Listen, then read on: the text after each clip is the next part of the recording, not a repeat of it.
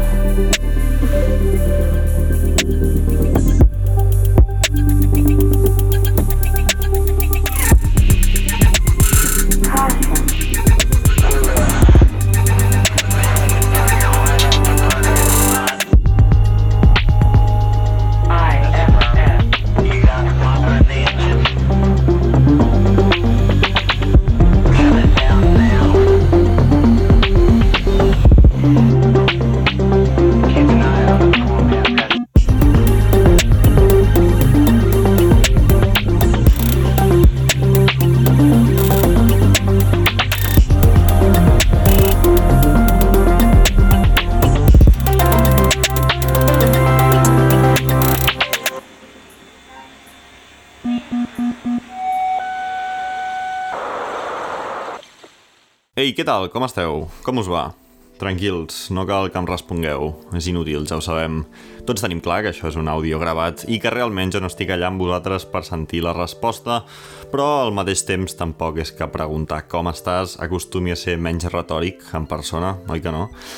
O a cas sou d'aquestes persones que aprofiten la més mínima oportunitat per explicar-li totes les penes al primer que passa? No ho feu, això, si us plau. És de mal gust.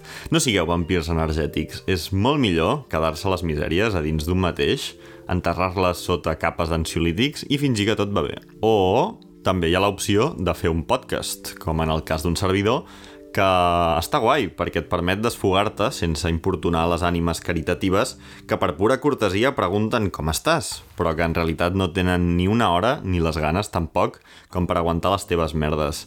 I d'això anirà una mica, aquest capítol, més o menys. Avui porto un episodi que per fi fa justícia al nom de Detritus Argumental perquè està composat en la seva totalitat d'això, de detritus, de tonteries i de one-liners que m'han passat pel cap durant aquest mes de març. No us espereu cap fil conductor ni cap temàtica estable més enllà de la banalitat. Això d'avui serà més aviat un freestyle d'idees poc polides, una mena de Frankenstein o de Mr. Potato construït a partir de nimietats. Una hora al cap d'un Tarzan neuròtic que es dedica a saltar de liana en liana sense tenir un rumb clar. Bàsicament, us vomitaré el bloc de notes del meu mòbil a sobre i ja serà decisió vostra triar si d'aquest vòmit en feu crema catalana o si, pel contrari, us voleu aixugar les meves idees arrebossant-vos en serradures com si fóssiu grans croquetes humanes. Quantitat per sobre de qualitat com a estàndard, eclecticisme descontrolat, tapeo en comptes de primer, segon i postre, aquest programa serà l'equivalent radiofònic de llançar hàmsters a una paret de velcro. És a dir, la majoria de coses cauran en la misèria i en l'oblit, però alguna d'elles suposo que aconseguirà enganxar-se a la vostra matèria gris. Obrirem molts melons i no en tancarem cap. Preneu-vos-ho com una mena de Twitter en format àudio, però monopolitzat per mi, i en el qual l'ús abusiu del name dropping serà el protagonista d'una bacanal de sense sentits. En realitat, això no és més que una excusa per fer servir aquest espai com a sessió de teràpia gratuïta, com a confessionari light i també com a càpsula temporal d'una època que dista de ser normal, que us he d'explicar, no?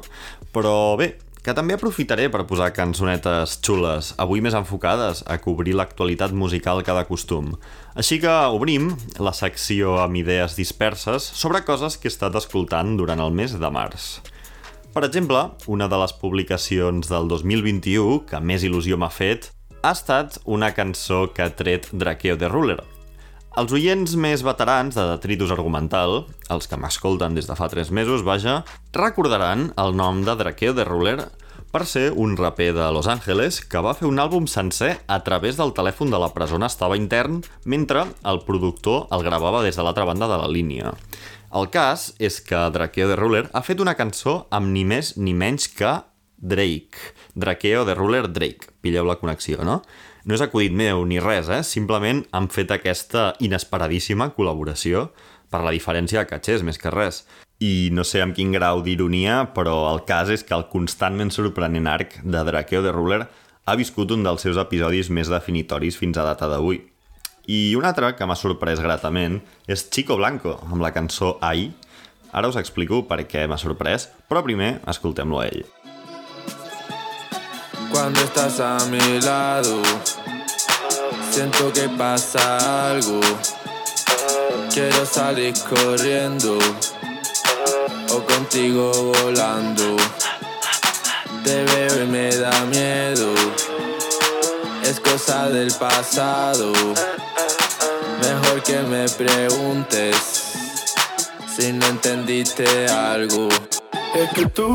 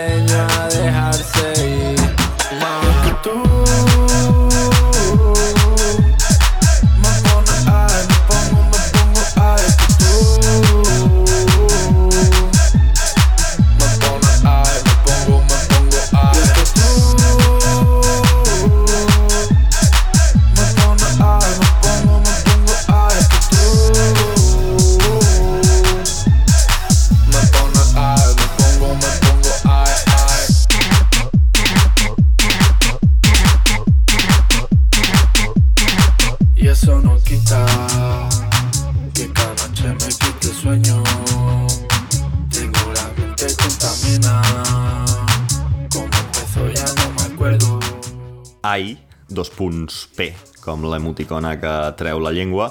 M'ha agradat no irònicament, i remarco això de no irònicament, perquè tinc la sospita que s'empleja a Paquito el Chocolatero de King Africa o de bueno, la cançó popular. Escolteu això. I ara de nou, ai. Tú En un altre ordre de tonteries, aquest mes també he fet un petit descobriment, que si no sou molt fans de Frank Ocean o dels palíndroms, no us farà ni la més mínima il·lusió, però a mi sí que me'n va fer una mica. Resulta que Beggin, que és un productor anglès, autor de la cançó que ha sonat al començament i coautor de moltes cançons del Frank, sobretot a Blonde, doncs Beggin té també una cançó molt maca que es diu Deep Vault,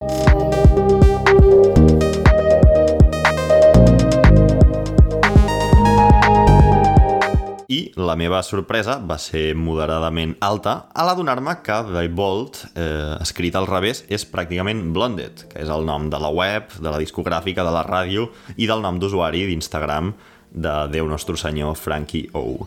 Xorrada absoluta, però no em direu que no us ho he advertit. Ara, abans de donar-vos opinions sobre música que he estat escoltant, us donaré primer una no opinió sobre música que, que he escoltat. I és que gairebé un mes després d'haver sortit Clamor, de Maria Arnal i Marcel Bagés, esperadíssim segon disc, encara l'estic digerint i no us puc dir res mitjanament sucós. El que sí que puc dir és que ma mare, al sentir un tall del disc, va dir que semblaven Amaral. No sé si per semblança fonètica o què, però em va fer molta gràcia. Un petó des aquí a ma mare. També em va dir una cosa que desconeixia i que em va fer pensar força. I és que Antonio Flores, fill de Lola Flores i germà de la Rosario, va morir uns dies després de que ho fes la seva mare, Lola, arran d'un infart provocat per una sobredosi d'alcohol i pastilles. Tot i que es comenta que en el cas d'Antonio Flores no va ser un suïcidi, sinó que es va tractar d'un accident, això igualment em va recordar molt la mort d'Alexander McQueen, i vaig pensar que quin patró tan bèstia i tan tràgic això de que la mort de la mare provoqui la del fill i que a més, curiosament, connecta els capítols de Detritus sobre McQueen i sobre el flamenc. Un altre esdeveniment que he categoritzat de tràgic, i ara sí que ja vinc amb les opinions, són els quatre singles que han estat traient Los Planetes des de l'inici de la pandèmia, dos d'ells en aquest 2021, a veure, em sap greu perquè mira que m'agraden los planetes, però aquests singles és que són horribles. M'explico. La temàtica d'aquestes cançons són temes d'actualitat. N'hi ha una que es diu El rei d'Espanya i una altra El negacionista.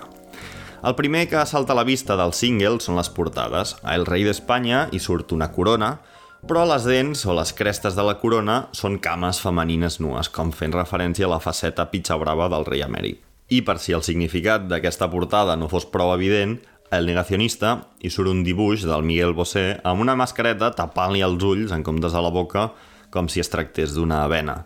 Realment aquestes portades em fascinen de lo dolentes que són. Aneu a fer-los un cop d'ull ara mateix si podeu, busqueu-les a Spotify perquè no tenen pèrdua. A més, per algun motiu que desconec, al Bosé li han posat un barret de Mickey Mouse però no satisfets amb això han escrit Los Planetes amb la tipografia típica de Disney. I el títol de la cançó, no sé per què, amb una lletra com de lowriders mexicans del sud de Califòrnia, que és que no enganxa amb res. A més, les portades comparteixen un filon cromàtic a partir de degradats de PowerPoint de color groc i taronja. Però és que a sobre els colors no són ni els mateixos d'una portada a l'altra. Cert és que les portades de Los Planetes han sigut de dubtós caire estètic en la gran majoria de les seves entregues, però aquí el dissenyador gràfic ha assolit uns nivells d'emmerdositat sense cap mena de precedent. Mm, però no us penseu que això acaba aquí, no. Perquè la nula capacitat de suggerència de les portades és un precís presagi del contingut de les cançons. El so de Los Planetes està més o menys allà, però les lletres és el que em fa difícil sentir aquests singles d'una tacada sense apartar-me els auriculars de les orelles del cringe que em generen. Són tot crítiques polítiques i socials que qualsevol persona amb enteniment subscriuria i que serien woke fa, jo que sé, 50 anys. Però ara que la gent té una cosa que es diu Twitter i internet en general, aquestes lletres sonen a cunyadisme mastegat. Mastegat amb barbes del J, però cunyadisme al cap i a la fi. Però fem una de cal i una de sorra, perquè si els singles de Los Planetes m'han horroritzat, uns compatriotes seus, Califato 3x4, estan ara mateix ocupant la posició més alta en la meva llista de millors àlbums del 2021. Escolteu això, que es diu Canelita en Rama, títol acuradament autodescriptiu, i que sona com si el califat de Còrdoba s'hagués extès fins a Irlanda i el Richard David James portés turbant.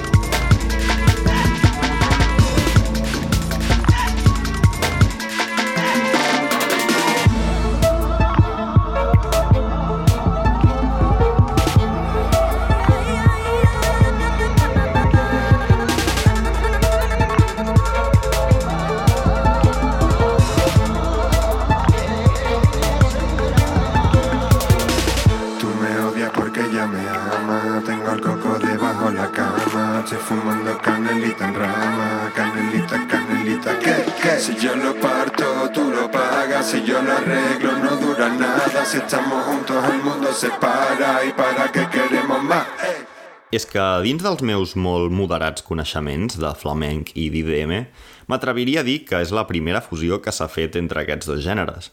Però Canelita en Rama no només té elements d'IDM. Jo crec que agafa coses de molts racons de l'electrònica. Per exemple, això.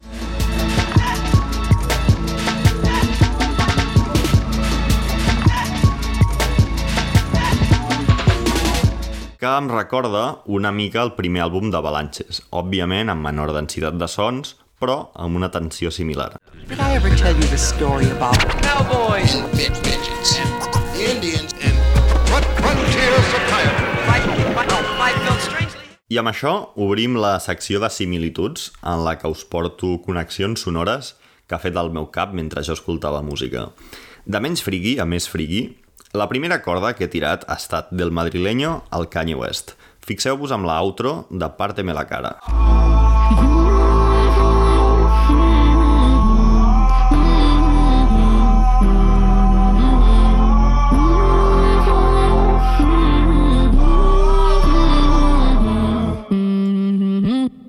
Realment no cal ni que posi cap cançó del Kanye per comparar perquè la similitud és més que òbvia i a més és que ho ha fet a tantes cançons que no sabria ni quina triar-ne. Aquest mes també he descobert que hem importat la Dringang a Espanya, que era qüestió de temps que passés. I ha sigut a través de Rojo que me n'he assabentat. Un xaval de Barcelona que és bàsicament el Blade català i no se n'amaga. La similitud del seu so i això d'allargar l'última vocal del seu nom són proves més que suficients. Suposo que si esteu una mica ficats en el mundillo del cloud trap i de l'emo, doncs aquesta notícia no us vindrà de nou, però aquí la deixo.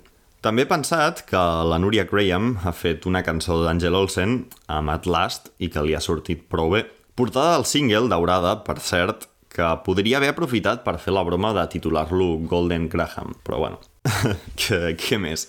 A veure, pujant en friquisme, he trobat que De Sousa i la seva última cançó amb Tomeu Penya i amb aquesta suma de spoken word i free jazz repentí, sembla quelcom que haurien pogut escriure perfectament Black Country New Road després d'una setmana de balcòning a Mallorca.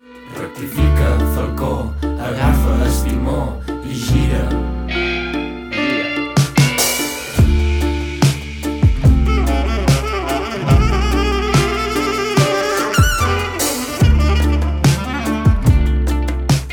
Sens dubte, qui més s'ha arriscat últimament a punxar royalties ha estat Cassandra Jenkins amb Hard Drive. to tell me what he knew about Saint Germain. And he told me about chakras and karma and the purple flame, the birth of the cosmos, the ascended masters, and the astral plane. He said, You know, the mind, the mind is just a hard drive. Que amb aquesta fórmula de spoken word, també acompanyada de metalls finíssims, posa peu i mig a territori de Destroyer.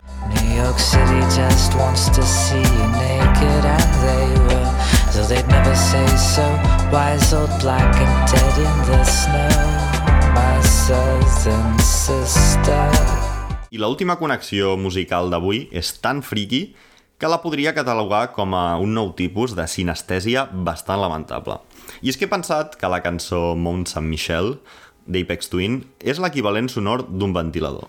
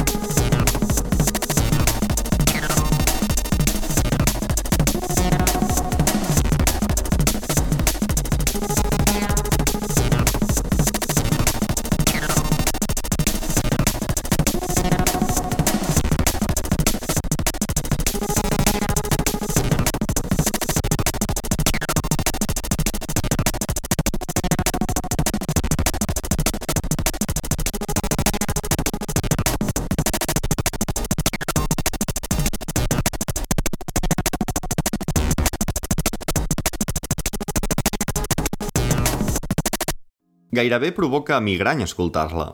I penso que això és perquè el que fa aquesta cançó és enganyar el cervell de la mateixa manera que un ventilador en marxa enganya els ulls. M'explico.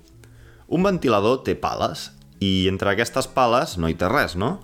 Però quan el ventilador s'engega, la seva imatge canvia i sembla que sigui un sol cos sòlid i que no hi hagi buits entre les pales. Però, òbviament, és en realitat una enganyifa perceptiva, un arrodoniment visual que fan els nostres ulls de les coses que passen entre fotograma i fotograma. Doncs jo crec que a Mount Saint Michel, Apex Twin vol fer un truc similar, col·locant interrupcions en forma de silencis molt breus i molt freqüents, i aquests buits sonors acaben sent d'alguna manera omplerts per la cançó, però igualment el cervell sap que el que està percebent no és del tot verídic. Així, Apex Twin juga progressivament amb la freqüència dels silencis per tal de fer-li saber als nostres cervells que estan sent enganyats i per descobrir en quin punt les oïdes són incapaces de seguir el ritme i es veuen obligades a arrodonir.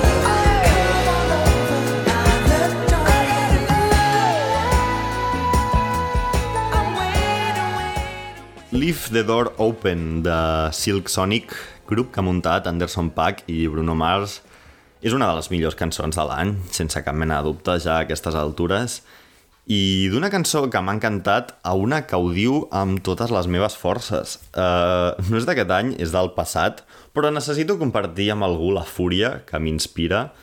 A veure, els culpables d'aquesta cançó en qüestió, perquè no se'ls pot anomenar d'una altra manera, són un grup madrileny, succedani de Carolina Durante i anéssim exemple de Taburete Washing, que es diu Caravana, amb K, per molar més.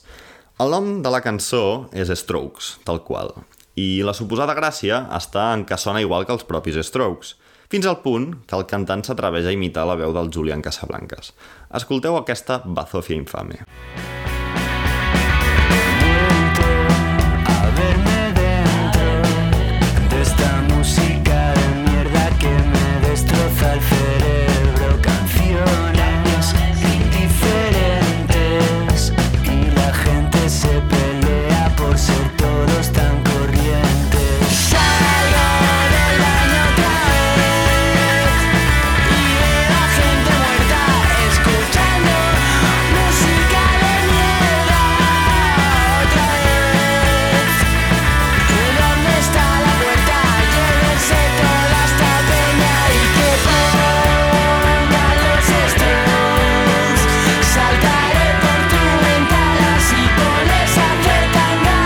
Tant de bo complissin la seva promesa de tirar-se per la finestra.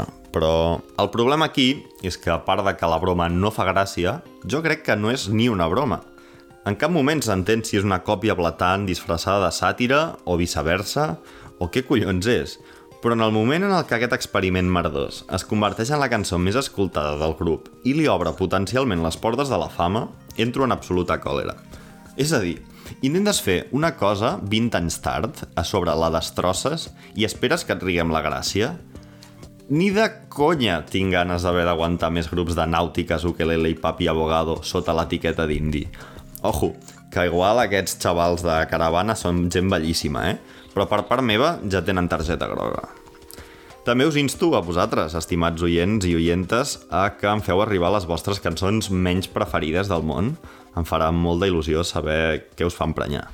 Mentrestant, us deixo una nova perla de Quero Quero Bonito, que amb The Princess and the Clock tornen a demostrar de nou que ningú treballa les melodies amb tanta fluidesa com ells.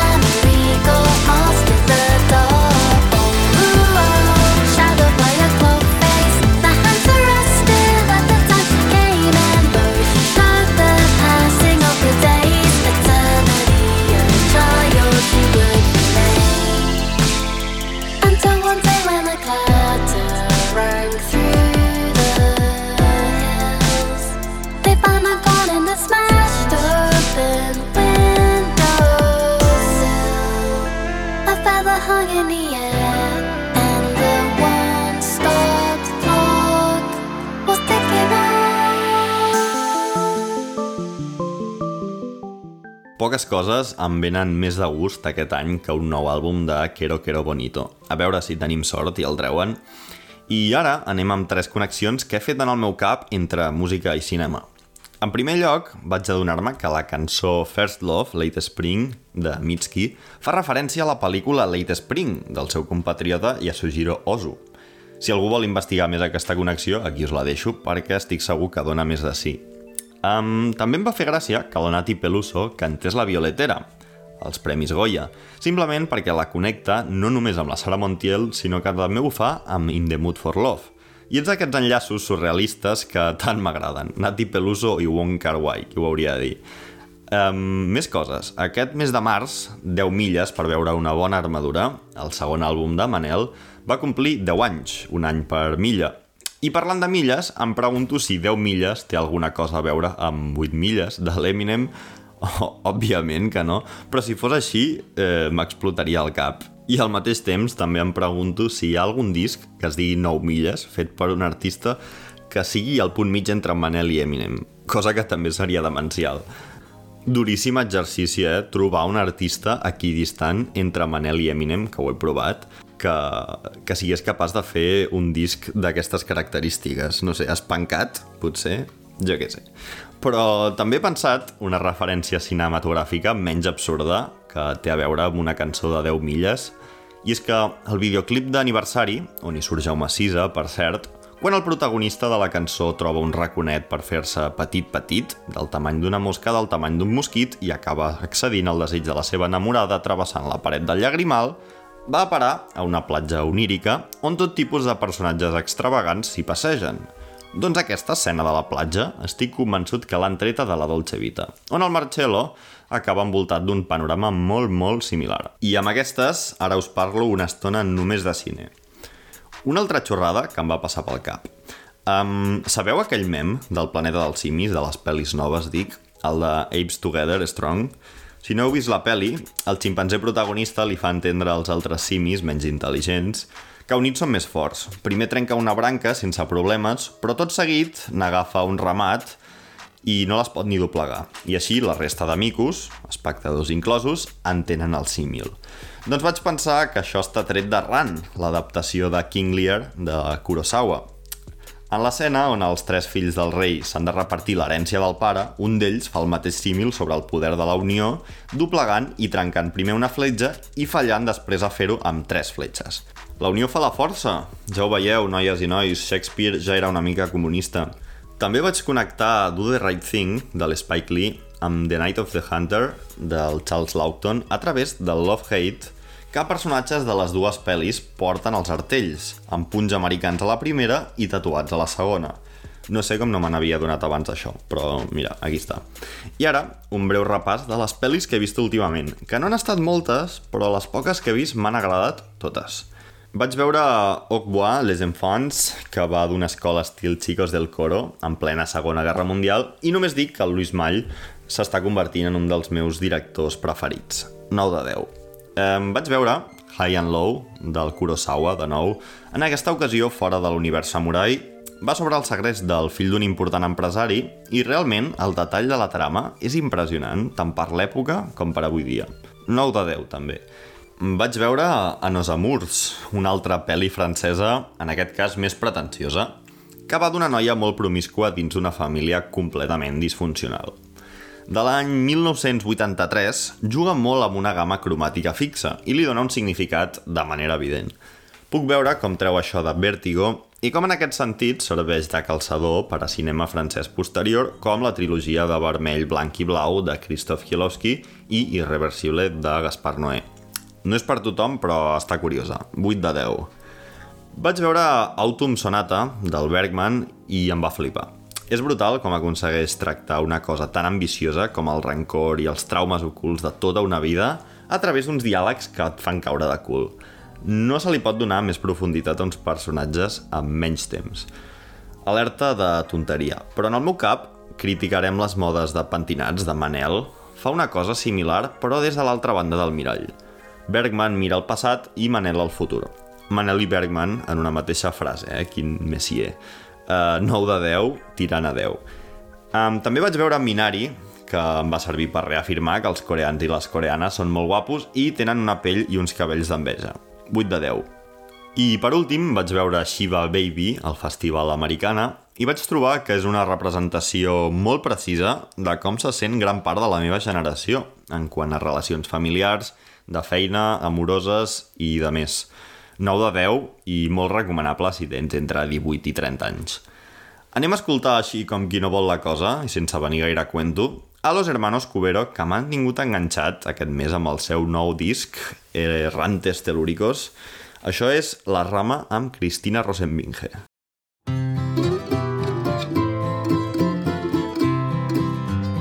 Canta tu amiga mía que me enamora, esa gracia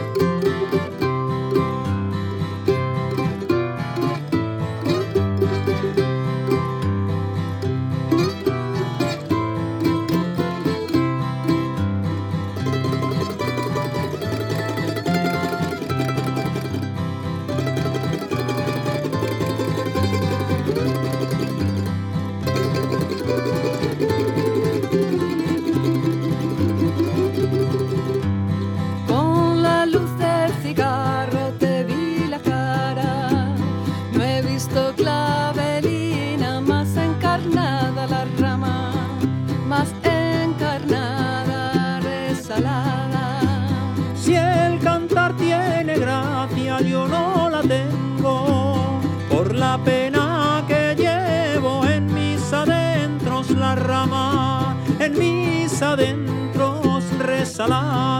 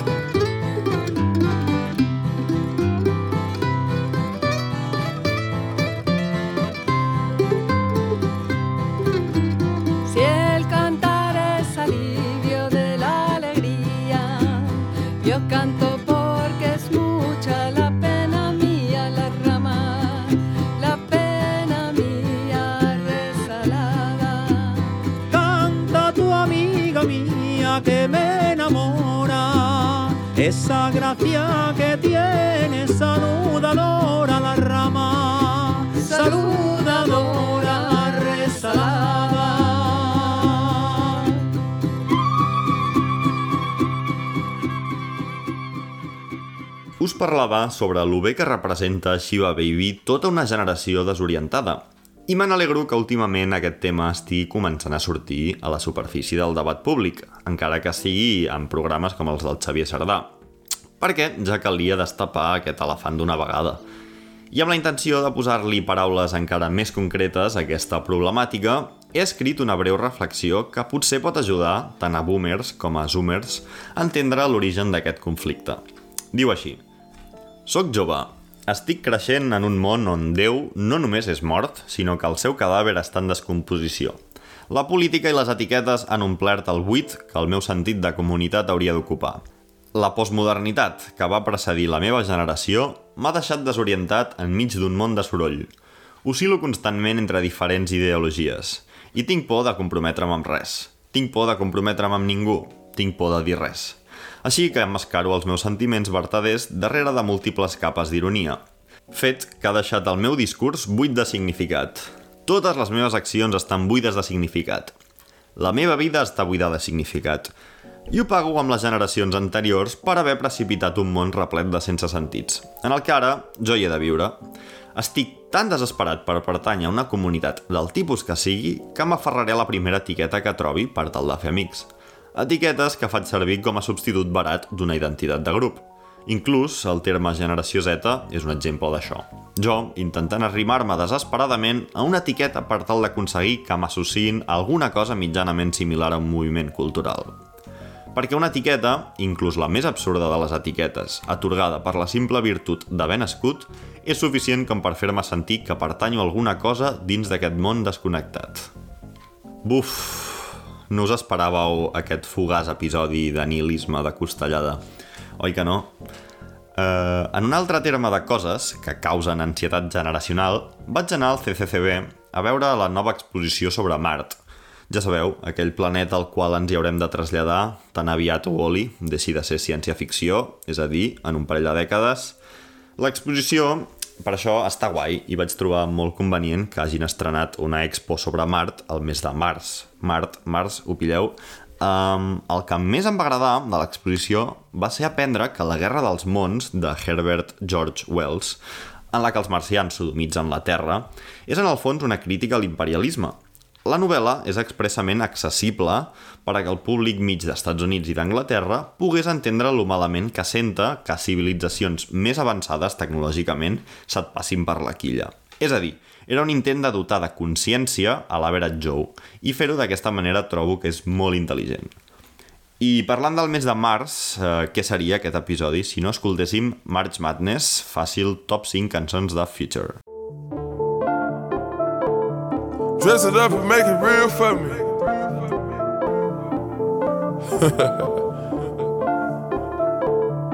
Whatever that fucking means. Dirty soda the styrofoam. Uh. Spend a day to get my mind blown. Dress it up and go to Nassau. 200 miles on the dash. Gotta roll a pound up a gas. Switching lanes in the Grand Rapids. We the one that kept it cool with all these niggas till these niggas start acting. Shoot a nigga like a film in a movie, nigga, gon' let him have it. We ballin' like the March Madness. All these cops shoot a nigga tragic. I'm the one that living lavish. Like I'm playing for the Mavericks. I don't want it for the bitch that might have made me fuck her even though she average. Dirty money in the cook. 45 by my good. Young nigga in the cook. Take you out for some joints. Count this money, no rush. I'm on the one way flushing. Loud pack smelling mustard. These fucking police can't touch me. These bogus police can't touch me. These fucking niggas can't touch me. Apply the pressure with the VVS. I drive the foreign like it was a Chevy. Drive the foreign like it was a Chevy. Lift it up and go and all set. Fuck a cougar like she Holly Berry. Future hinges, dirty sprite, legendary.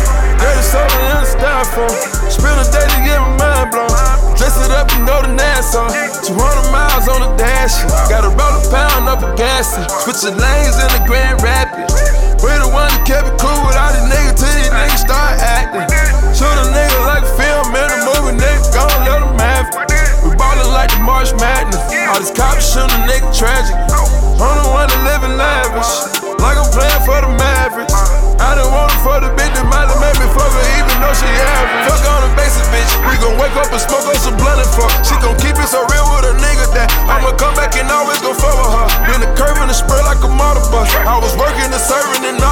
I get high till I'm higher than Mercury.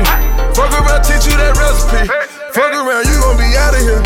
Make it say huh like a nigga with juvie. Soon as that work hit the city, we move it. Post up in honest and shoot us a movie. Post up in honest and shoot us a movie.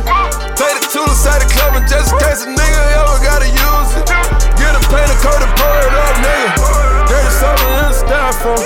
Spend a day to get my mind blown. Dress it up and go to Nassau. 200 miles on the dash. Gotta roll a pound up a gas. Switching lanes in the Grand Rapids. We the one that kept it cool with all these niggas till these niggas start acting. Shoot a nigga like a film in a movie, nigga, gon' let him have it. We ballin' like the March Madness. All these cops shootin' a nigga tragic. I'm the one that living lavish. Like I'm playing for the Mavericks. I don't want it for the bitch that might have made me fuck her even though she average. Fucking niggas can't touch me. Apply the pressure with the VVS. I try to foreign like it was a Chevy. Try to foreign like it was a Chevy. Lift it up and go and all set it. Fuck a cougar like she Holly Berry. Future hinges, dirty sprite, legendary. Dirty soda in the styrofoam. Spend a day to get my mind blown. Dress it up and go to Nassau. 200 miles on the dash. Gotta roll a pound up a gas. Switching lanes in the Grand Rapids. We the one that kept it cool with all these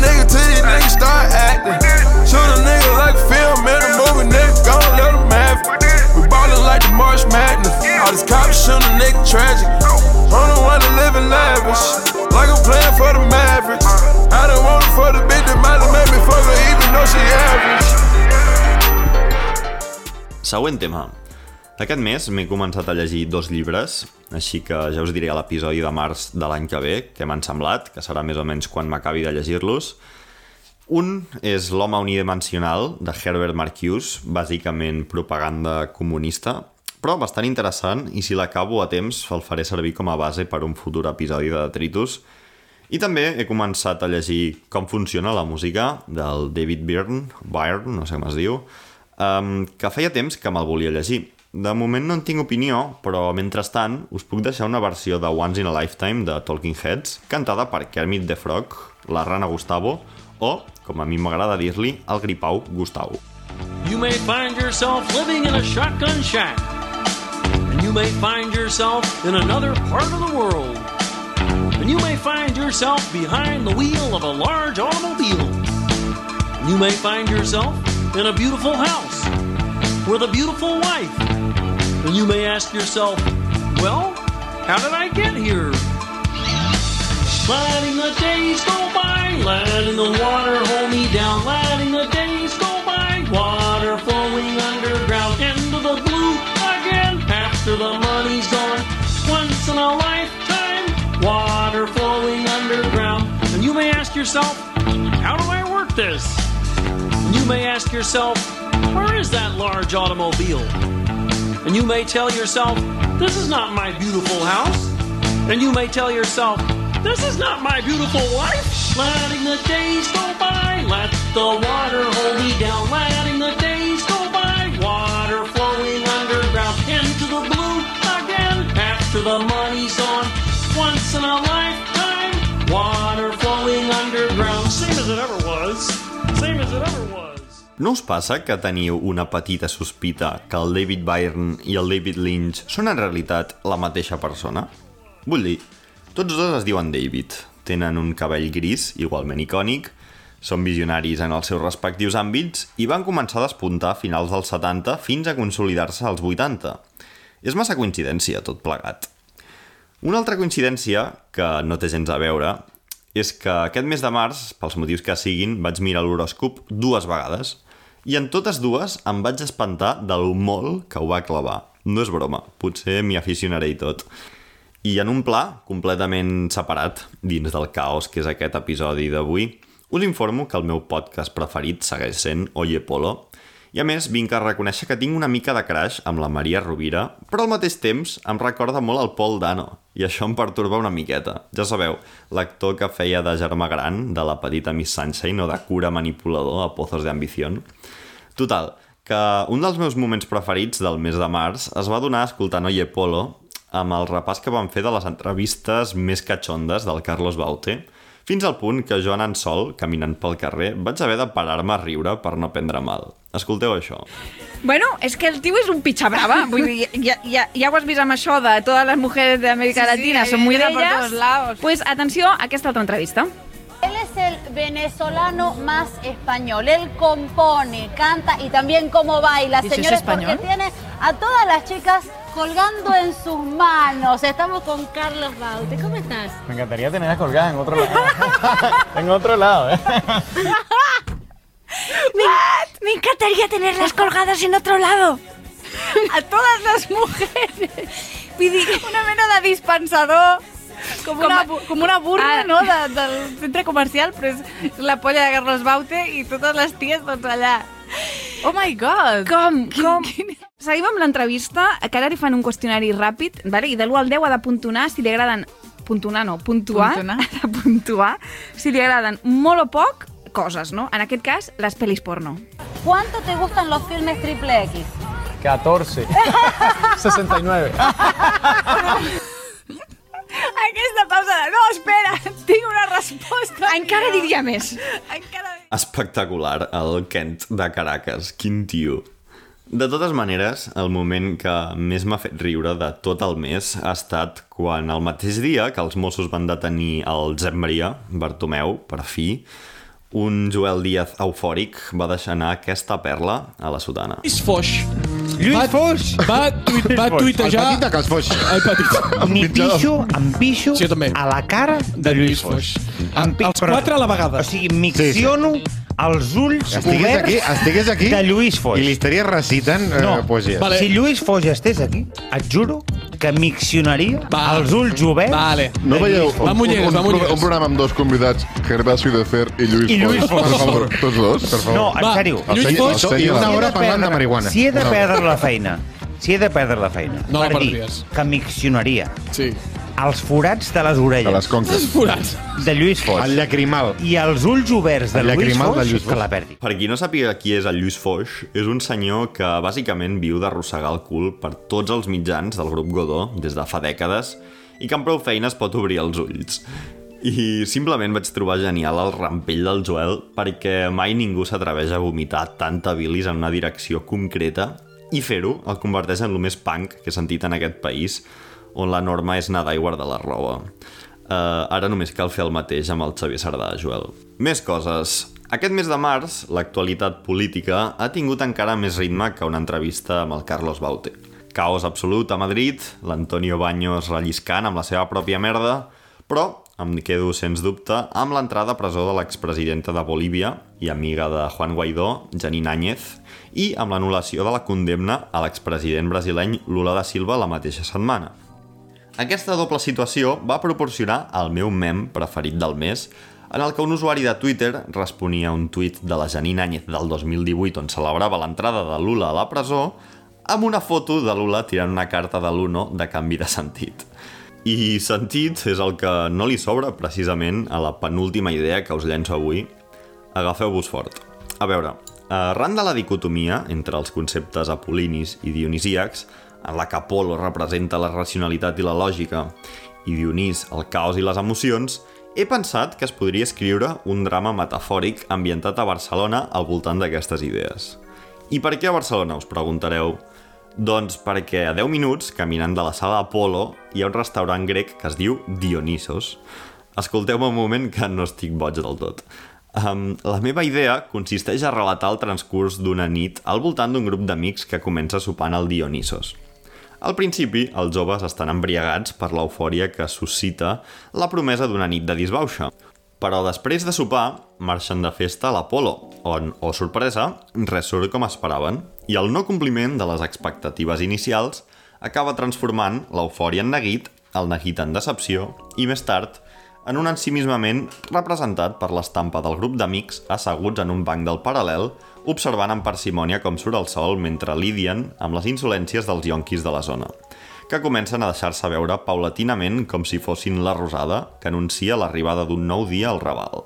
La gràcia d'aquesta historieta, si és que en té, resideix en que la transició entre espais físics anomenats Dionisos i Apolo coincideix simultàniament amb la progressió dels ideals que representen aquests noms a través de les experiències dels protagonistes. Resumint, que el mapa de Ciutat Vella permet el passeig metafòric.